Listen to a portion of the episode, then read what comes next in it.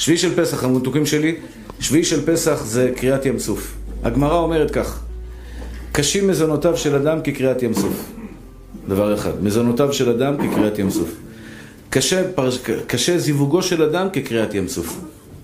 כך אומרת הגמרא, שני דברים שמשווה הגמרא את הקושי שלה לקריאת ים סוף. ויש פה שאלה אדירה. שאלה אדירה. יש משהו קשה לקדוש ברוך הוא?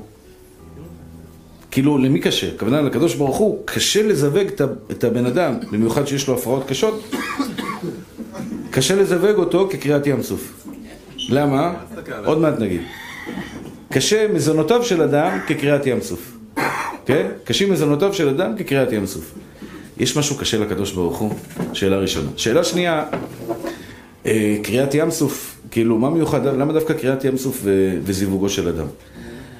אז זה, זה שני דברים שיש להם מחנה משותף, שבשניהם כל החיים יצר רע חוגג על האדם. מהרגע שהוא נולד ועד הרגע שהוא נפטר. זיווגו של אדם פעם אחת, נכון? מקווים, פעם אחת. אבל כל השנים יש שאלה שמנקרת בראשו של הגבר, גם האישה. האם לא טעיתי כשהתחתנתי עם הגברת הזאת? זאת אומרת, אחרי שהתחתנת, קודם, לפני שהתחתן זה בעיה ראשונה, נמצא אותה, לא ימצא אותה. היא טובה לי, לא טובה לי. אחרי שהוא מצא אותה, היא שמנה לי, לא שמנה לי. היא רזה לי, היא רזה לי. יש לה מספיק כסף, אין לה מספיק כסף. אבא שלה נורמלי, לא נורמלי. אני אסתדר עם אמא שלה, לא אסתדר עם אמא שלה. זה השאלות שיש לפני החתונה. אבל אחרי החתונה, זה מתעצם עם השנים. האם זו הייתה הבחירה הנכונה? מה היה קורה אם הייתי מתחתן עם מישהי אחרת? לכן אומר הקדוש ברוך הוא, אני מכיר את נפש היהודי. נפש היהודי, היצר הרע כל השנים ייכנס לו בפנים ויבלבל אותו ויעשה לו שיגעונות ואולי זה לא זה, אולי זה כן זה, אולי זה לא זה, אולי זה לא כן זה. אומר הקדוש ברוך הוא, זה לא בידיים שלי, זה בידיים של האדם. קשה זיווגו של אדם. במזונותיו של אדם, כל החיים. גם אם אדם יש לו המון המון כסף, ברוך השם, בתים, אבל תמיד הוא רוצה עוד, ותמיד הוא צריך לדאוג לילדים, וצריך אחרי שיש לו ילדים, הוא צריך לחתן את הילדים, את הנכדים. אין סוף לכסף. דאגות, שני דברים שעץ הרע מבלבל אותנו כל ימי חיינו, זה זיווג, זה האישה שלנו, זה הבעל שלנו והמזונות שלנו. אבל מה הפתרון? מה היה בים סוף? הקדוש ברוך הוא השתבח שמולד בים סוף. היה חסר נקודה אחת. לעם ישראל היה חסר אחד. תבינו, הם עומדים על הים, עכשיו אני מבקש מכם, כנסו רגע לסרט, אתם עכשיו עם ישראל עומדים בקריאת ים סוף, על הים, והמצב בטטה לגמרי. קטסטרופה. המצרים מאחורה, המדבר מצד ימין ומצד שמאל, והים מלפנים. חושך מצרים, חושך הכוונה חושך מבחינה רוחנית. כולם בלחץ אטומי. מה יהיה? מה... אנחנו הולכים לגמור את החיים שלנו. עכשיו, זה לא רק הם, הם אנשים שלהם, הם הילדים שלהם והמבוגרים, וזה, זה, זה, זה, זה תסריט בלהות.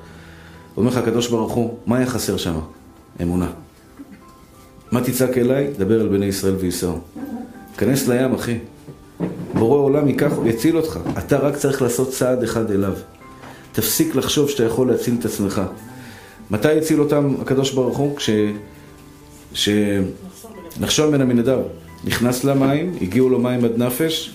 דרך אגב, יש וורט יפה שאומרים, אם נחשון היה מרים את האף עוד קצת, הגאולה הייתה מתאחרת, נכון? הוא, הגיעו לו מים עד לאף, הוא צעק, הגיעו מים עד נפש, בורא עולם הציל אותו. תאר לך, הוא היה עושה עוד קצת ככה, מרים את האף למעלה, אז היה מתרחק, נכון?